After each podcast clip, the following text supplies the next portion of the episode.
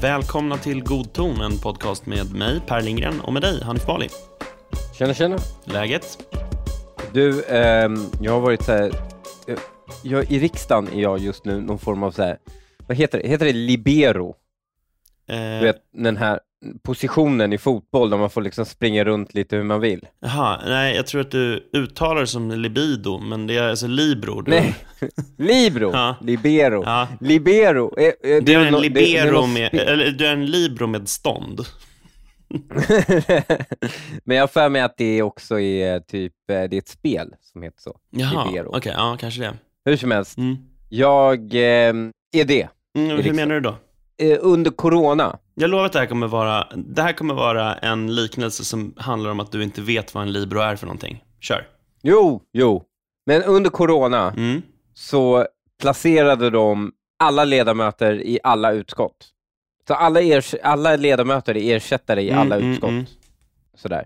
Så liksom, det, vilket gör det lite problematiskt för typ så här, utskotten brukar ha så här, avslutningsfester och då är det så här, ledamöterna och ersättarna inbjudna. Men då är det så här, 320 ersättare liksom, på ett blir det med utskott. så här utskottsresor? Bara, men nu, nu ska vi åka till Sydafrika på verksamhetsbesök. Ja, har kom på så här, man skulle ju, alltså rent tekniskt sett så har du ju, om du blir kallad till ett utskott, om du får en kallelse, Mm. vilket alla ersättare får, Mm. så har du ju rätt att närvara. Så om jag bara drar med mig 20 riksdagskollegor Ja. på valfritt utskottsmöte så har vi ju kraschat hela utskottet. Det får ju inte plats liksom. Det blir så Fast- fullt i rummet. ja, visst. Fast jag Men- menar, det kommer ju ändå vara begränsat antal som får sitta och hålla i bordskanten, eller hur? Ja, bordskanten ja, men det kommer vara knökfullt runt kanterna, så det bara, man kan ju skapa ett logistiskt kaos. Jo, jo. ja, ja, visst. Some people Men, just want to see det the world burn. ja, men eh, det har jag suttit och tänkt på. Nej, men eh, det, det som det är, i och med att jag inte har ett ordinarie utskott, för jag är fortfarande i den här frysboxen. Mhm. Eller det borde ju inte heta frysbox. Alltså en frysbox, den kan du ju dra ut elen och så tinas det. Jag är ju någon form av permafrost, för jag kommer aldrig släppas ut ur det här. Kommer, kommer, men men eh, i och med att jag inte har ett utskott så har jag ju en eh, möjlighet att eh, bli inkallad, men jag är inplacerad i alla utskott. Mm. Så betyder det att jag liksom inkallad till ersättare för alla. Mm. Så jag, har liksom, jag var med i finansutskottet och liksom, ja, den här nya, jag var med och justerade ehm, den här MKD-SD-budgeten Mm. och nu har jag hoppat in i näringsutskottet. Så min grej är att jag är just en libero. Och vad tror du att en libro utskott. är för någonting? Det är den som, den får, den får springa runt hur den vill. Den har ingen fast position, alltså att det är mittfält eller något sånt. Nej. En, li- Va? en libro äh, ligger äh, bakom, är en slags äh, sista back som ligger bakom backarna. Det här är inte så vi lärde oss det. Nej. Vet du hur vi lärde oss det? Mm. i, det här var, det vi lärde oss i var att den duktiga killen Mm. i skolan, han fick spela den positionen Mm. och det betydde att han inte behövde vara back, mittfält eller forward. Han fick vara vad han ville. Mm, Så mm, han mm. fick liksom bara ta bollen och springa och göra mål. Liksom. Ja, alltså det kan vara så att jag, att jag eh, gör bort mig här, men jag, jag skulle nog säga... Eh, vi ska se här. Du kan mycket väl ha rätt. Vi ska kolla, jag googlade nu. Libro-positionen blev populär på 1970-talet, bla bla. Eh, Det var Franz Beckenbauer som utvecklade positionen. Det är också i Tyskland samt i Sydamerika som spelsystemet med Libro varit i all, äh, allra populärast. Libron blir idag eh, allt ovanligare inom fotbollen främst på grund av bla bla bla bla bla. Men vad fan står den här gubben någonstans? Spel med libero. Libero står det, vill jag säga, för att det stavas libero. Mm. Men, jo, på engelska sweeper. libero har en fri- möjligen, men Ja. inte libero. Eh, har en fri roll och friheten att befinna sig överallt på en plan. Defensivt används libero ofta som en sista utpost framför målvakt och ska borga för en extra säkring bakåt. All right. jag, jag, Liberon, vänta, Liberon ska också vara en extra anfallsspelare som följer med i attackerna framåt. Det här är en fantastiskt bra parallell. Mm, nej, jag tycker inte det. För det är fortfarande, alltså det, det, det, det är ju fortfarande så att, jag ska, inte, jag, jag ska inte hänga upp mig med, med någon autistisk grej här, men vad fan, att hänga med i anfallet kan backar göra även med dagens spelsystem. Skitsamma. Ja. Eh, jag fattar vad du menar. Du, med, eh, Ja. jag, skulle, jag skulle nog säga eh, fri roll på mittfältet snarare. Ja, ja, skitsamma. Jag har en fri roll i alla fält. ja, ja. eh, och, och bli in, in, inskickad. Så det är väl lite det. Jag har varit på... Och, och blir du så här luftlandsatt Mm, i ett utskott, så här bara inkallad en gång, mm. då är det skittråkigt. För du, är inte, du hänger ju inte med. Alltså, du häng, ingen hänger med i EU-ärendena till exempel. Mm. Ingen gör ju det någonsin. Men du hänger ännu mindre med, för du har inte liksom varit med och inte hängt med från början. Förstår du? du har inte Så- ens lyssnat så- ett öra. Ja, exakt. Så det är liksom, och så sitter man där och har det jätte, jättetråkigt. Mm. Ehm, så det, och blir bara hungrigare och hungrigare. Och eh, idag var det så här monstermöte med näringsutskottet eh, då det var bara massa EU-ärenden. Mm. Och det var jätte, jättetråkigt. Och jag höll på att svälta där och jag var nära att bli sen till den här inspelningen. Det var enda min poäng ville göra. Det tog otroligt lång tid att göra den poängen. Att jag var jättehungrig och uttråkad. Du var inte nära på att bli sen, du var sen. Men du så jävla, för dig är det så jävla standard att vara sen, så att liksom så här, ja, du var inte 50 minuter sen och då är det lugnt. Ja, du, det är när man säger i förväg hur mycket sen man ska vara, Mm. då är det okej. Just det. Och du sa 11.40. Jag har ett meddelande från dig på 11.54 där du skriver redo. Då är det 14 minuter sen. Nej, men jag skrev ju också klar 11.40, men då sa du att du var imponerad för du hade trott att jag skulle vara 45 minuter försenad. Mm. Och sen skriver Och du, det men jag betyder- måste äta något, spring, springer förbi fiket. Nej, då är det- man det var alltså inte helt- klar. Ja, men det var ju helt frivillig försening för jag hade ju 45 minuter spare. Du hade redan räknat, så säga, jag hade redan fått bära skammen för 45 minuter. Det, här, det är det Du skyller dig själv. Gott folk, det är det här jag har att jobba med. Nu, alltså, eftersom min förväntan var 45 minuter, så räknar du hem den som att så här, då har Ja. du ett spelrum på 45 minuter. Fuck Men det här me. är- det är precis så här det funkar med värstingen i klassen. Så här. Bara så här, det, bara, du kommer undan med att ta, ta, liksom, eh, ta gisslan på rasten, medan plugghästen liksom får, får en utskällning när den är två minuter sen. Bara för att... Ja, men det här är, jag pratade med Linnea om det här Mm. eh, faktiskt. Att, att skillnaden mellan två minuter sen och tio minuter sen är... Är åtta minuter. ja, åtta Respektera de minuter. åtta minuterna. Ja, medans jag och Linnea tänkte så här, det är lika stort för att man har brutit ett förtroende. Och väl när förtroendet är brutet, då, Det är då, suicide by cop. då är det bara att köra, så att säga. Ja, ja. Ha, jag tänkte inte prata om det. Jag tänkte prata om Mm. Uppdrag granskning och public service för ovanlighetens skull. Åh, gud, du och public service. Du, du har blivit nya Jens Ganman. Ja, jo, jag, jag axlar gärna den rollen. Jag kommer tvinga dig att skriva min bok och vara försenad till alla skrivtillfällen. Jo, men Uppdrag granskning, de släppte i februari en, en granskning av Ericsson. Eh, och det här programmet handlar då om att Ericsson har haft verksamhet i Irak, bland annat i Mosul. Och sen när IS tog över eh, i Mosul så kontaktades Ericsson av IS-terrorister om att ifall Ericsson ska finnas kvar i Mosul så måste de betala IS.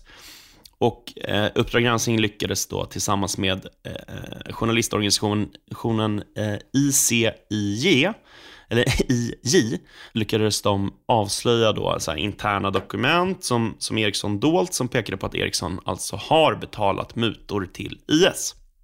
Mm.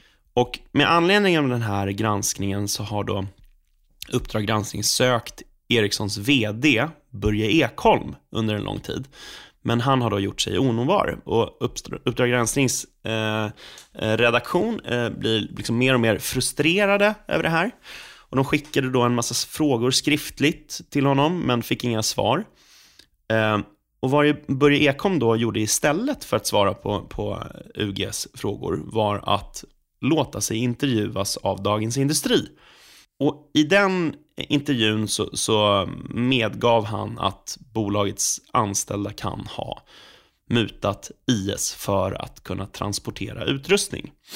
Mm. Och här då, att han lät sig intervjuas av Dagens Industri istället för Uppdrag granskning, det gjorde uppenbarligen Uppdrag granskning-redaktionen väldigt förbannad. Så förbannad att de valde att testa en ny metod, eh, vilket man då kunde läsa om på Twitter. Axel Björklund är projektledare och ansvarig utgivare för Uppdrag granskning på SVT. Och han, han, beskrev, han skrev på Twitter då i måndags så här. Eh, vi har försökt intervjua Ericssons vd Börje Ekholm i månader. När vi skickade detaljerade frågor om IS lät han sig intervjuas, men inte av oss, utan av DI. Därför har jag satt in en helsidesannons i morgondagens DI för att försöka nå Ekholm inför årsstämman. Hör av dig, Börje. Och sen så la han då upp en bild på själva annonsen och i annonsen så stod det så här. Hej Börje! I månader har vi förgäves sökt dig för en intervju om Ericssons kontakter med IS. Nu skriver vi till dig här istället. Du verkar ju läsa Dagens Industri. Idag har ni årsstämma. Kanske kommer ni att beröra Ericsson och IS, reportaget vi på Uppdrag granskning publicerade den 27 februari. Tyvärr ville du inte medverka i programmet och vid årets stämma får ju inte media ställa frågor. Vi tycker att våra frågor till dig är viktiga. Att döma av er börskurs gör aktieägarna också det. 12 centrala frågor som väntar på dina svar finns nu på svt.se ug. Våra reportrar står redo att genomföra en intervju. Intervju, jag ska inte säga det där hemska ordet intervju. Fy fan vad jag hatar det. Eh, hör av dig. Eh, I en intervju eh, gjorde, eh, eh gjorde med, med eh, Axel Björklund eh, av hans egna SVT-kollegor så säger han så här att Börje Ekholm med den makten vägrar att svara på våra frågor, eller på frågor tycker jag är en sorglig utveckling. Och i den här intervjun eh, så beskriver då Axel Björklund annonsen som ett kul grepp. Och det här tyckte den svenska journalistkåren var så fnissigt och festligt att de alla fick byta underkläder när de såg det här. Alltså hans, hans tweet, den delades och den gillades och den kommenterades och glädjen var störst i den, som så alltid, eh, mångfacetterade och egensinnade och absolut inte i någon del eh, homogena eh, svenska journalistkåren. Där alla spretar åt alla håll och tänker olika. De är överhuvudtaget inte varandra lika. Men det finns en som inte fnissar åt det här och det är jag.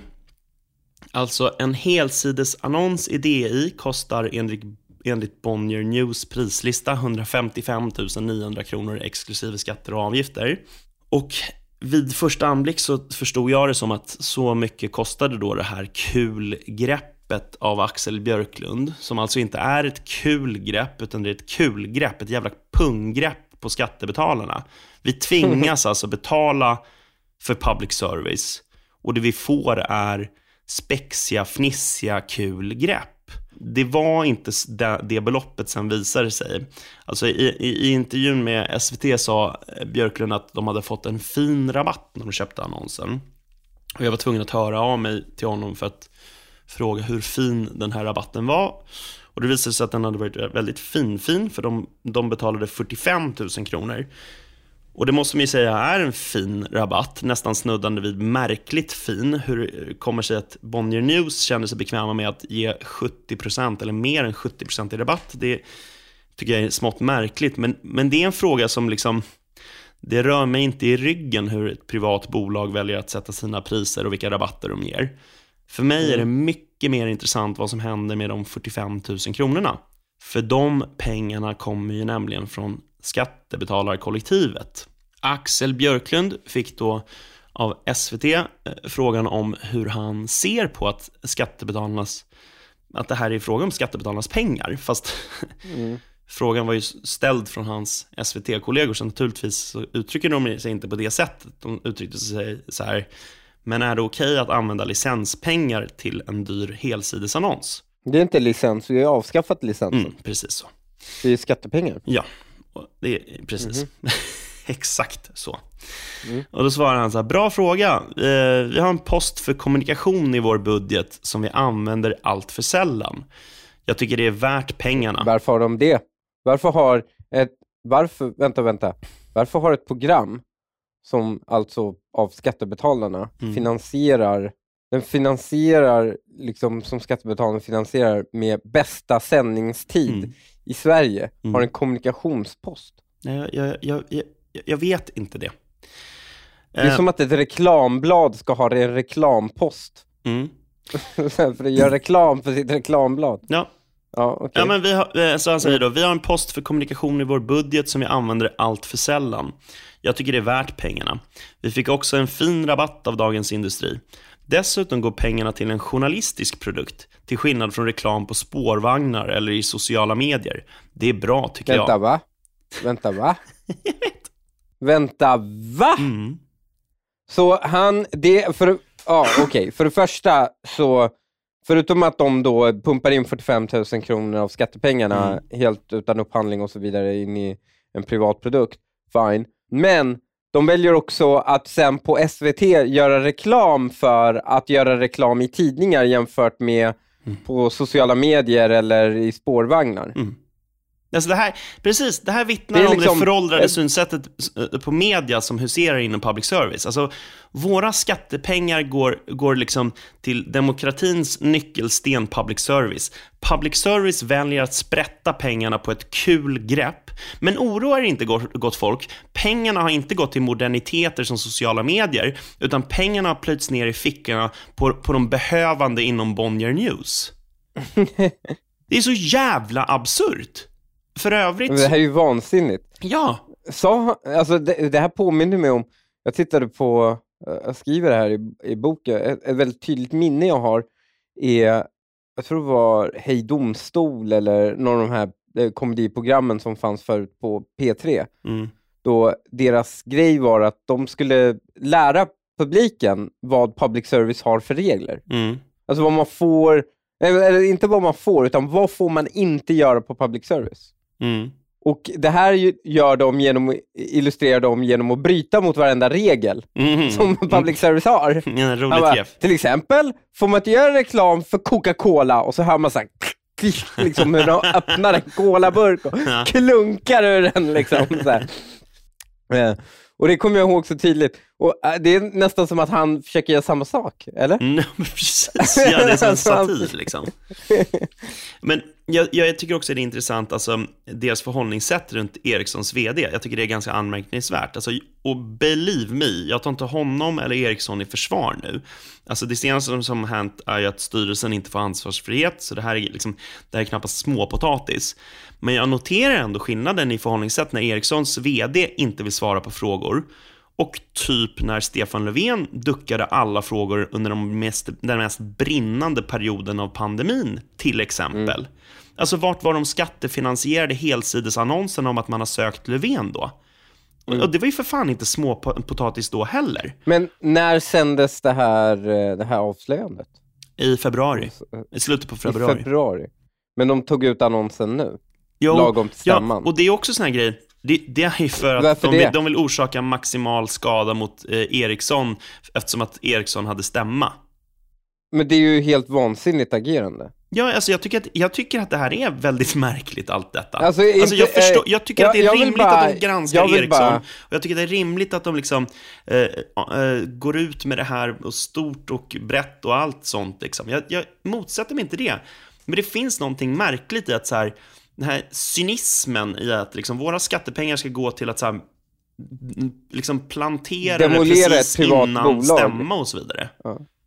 Ja, då, då, då är det ju inte av journalistisk, så att säga, det är ju inte på grund av journalistik han tar, tar ut den här annonsen. Det är bara att maximalt skada. Ja, Timingen jag kan, jag kan det. inte tolka det på annat sätt. Alltså varför, varför kommer annonsen samma dag som deras stämma? För fan vad vansinnigt. Men vet du vad? Du, eh, God ton har ju fått lite, sen vi gått bakom paywall, Mm, så har vi fått lite finansiella muskler. mm. Och jag menar, eh, jag undrar hur alla de här journalisterna, att du noterar Jag vill att du antecknar alla de här journalisterna Mm. som hör just nu Mm. åt det här. Och sen, om de någonsin gör bort sig, Mm. då kräver vi, då kräver vi att de ska komma hit på intervju. Och ställer de inte upp på det, då tar vi ut en jävla helsidesannons där vi bara hänger ut dem för svenska folket. Så får de se hur kul det är. Se om de hör då. Ja, men alltså, jag tycker det är så här... Ja, Grejen är att jag, mitt, mitt huvudproblem med det här är att det är skattepengar. Nej, fuck det. Det är fan ett jävla nyhetsmedium som SVT, som alltså inte ens publicerar, som inte ens publicerar signalement som polisen går ut och begär på kriminella Mm. av integritetsskäl för den kriminelle. Mm. Alltså när polisen på polisen.se går ut och bara, vi letar efter den här gärningspersonen, det här är signalementen. Mm. Då väljer SVT att plocka bort de delarna de tycker är liksom känsligt. Det är SVTs policy. Mm. Ett sånt bolag som påstår sig bara så här, nej men vi har en publicistisk skada kan ju åstadkomma och så vidare och så vidare. Ett sånt bolag, Att man i andra sammanhang du- maximerar st- skadan, menar du? ja, och nu, nu försöker maximera skada. Det spelar fan ingen roll alltså. Det, det hade lika gärna fucking kunnat vara TV4 som gör det. Mm. Det är inkoherent och brutalt och, och gravt felaktigt. Alltså jag- även om det inte tycker- vore. jag tycker- att det görs tycker- sen, att det görs sen på skattebetalarnas eh, pengar, Mm. det, det är bara så här adds insult to injury.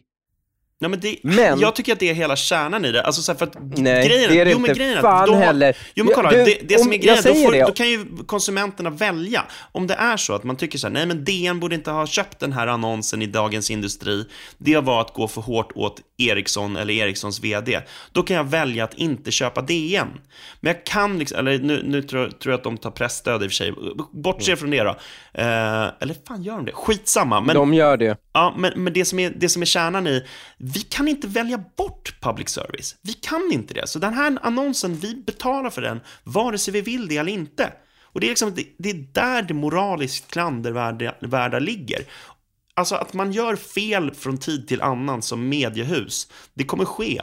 Men då kommer man också få en smäll på fingrarna från konsumenterna ifall man har en fungerande mediemarknad. Men det är inte en fungerande mediemarknad för att den är skattefinansierad.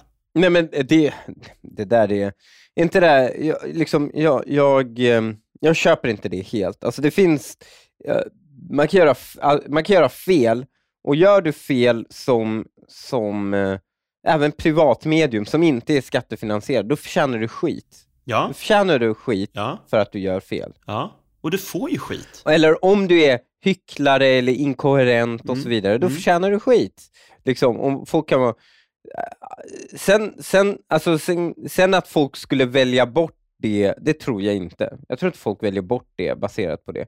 Då hade vi, om det vore så hade vi haft mycket bättre medier i Sverige.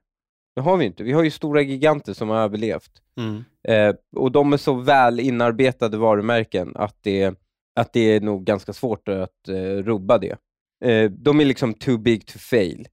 Men eh, även om eh, det som är så att säga, förolämpningen är ju tvångsfinansieringen. Man kan ju tycka att man borde ha fungerande, vi har till exempel inte något offentligt, eh, jo vi har ju det med pressstödet, men vi har inga offentligt ägt public service inom tidningar exempelvis. Alltså Mm. eh, dagspress eller kvällspress till och med. Nu, i och för sig så är ju alla de sakerna online nu och SVT har en stor online-närvaro, men du, de, jag vågar påstå att SVTs eh, trafiken SVT drar eh, till sin så att säga online-tidning är otroligt begränsat jämfört med Aftonbladet, Expressen, DN, Svenska Dagbladet och så vidare. Men Mm.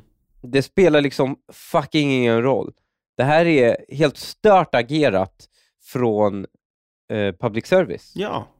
Och, jag, Du kan alltså, inte han, säga ta, på- han talar om inte- en sorglig utveckling. Den, den sorgliga utvecklingen står ju han för. Alltså, för fan, grejen är så här, kolla, om du bortser från vad sakfrågan är runt Ericsson, alltså att mutor till IS, det luktar ju ganska illa liksom.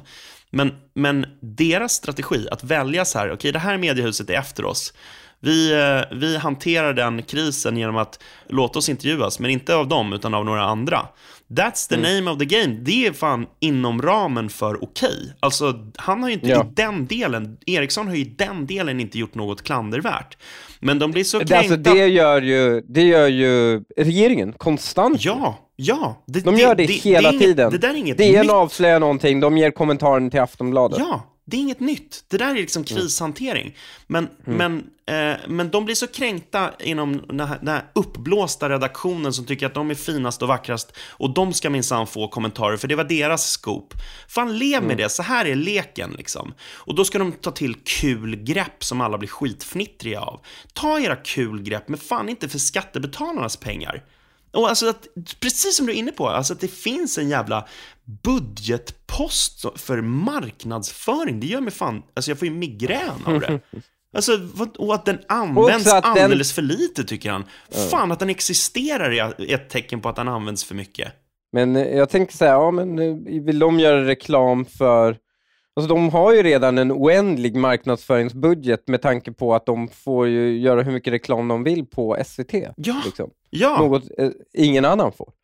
precis. det, men om de ska börja göra sådär och journalister ska tycka det är roliga, alltså jag kan lova dig att de kommer inte lära sig den här läxan. Den kommer inte gå Nej. in förrän vi gör samma sak mot dem. Ja, Vi borde hitta någon, så här, någon gång när vi lackar på en public service-journalist, mm. tycker den gör något, så bjuder vi in den på här på podden.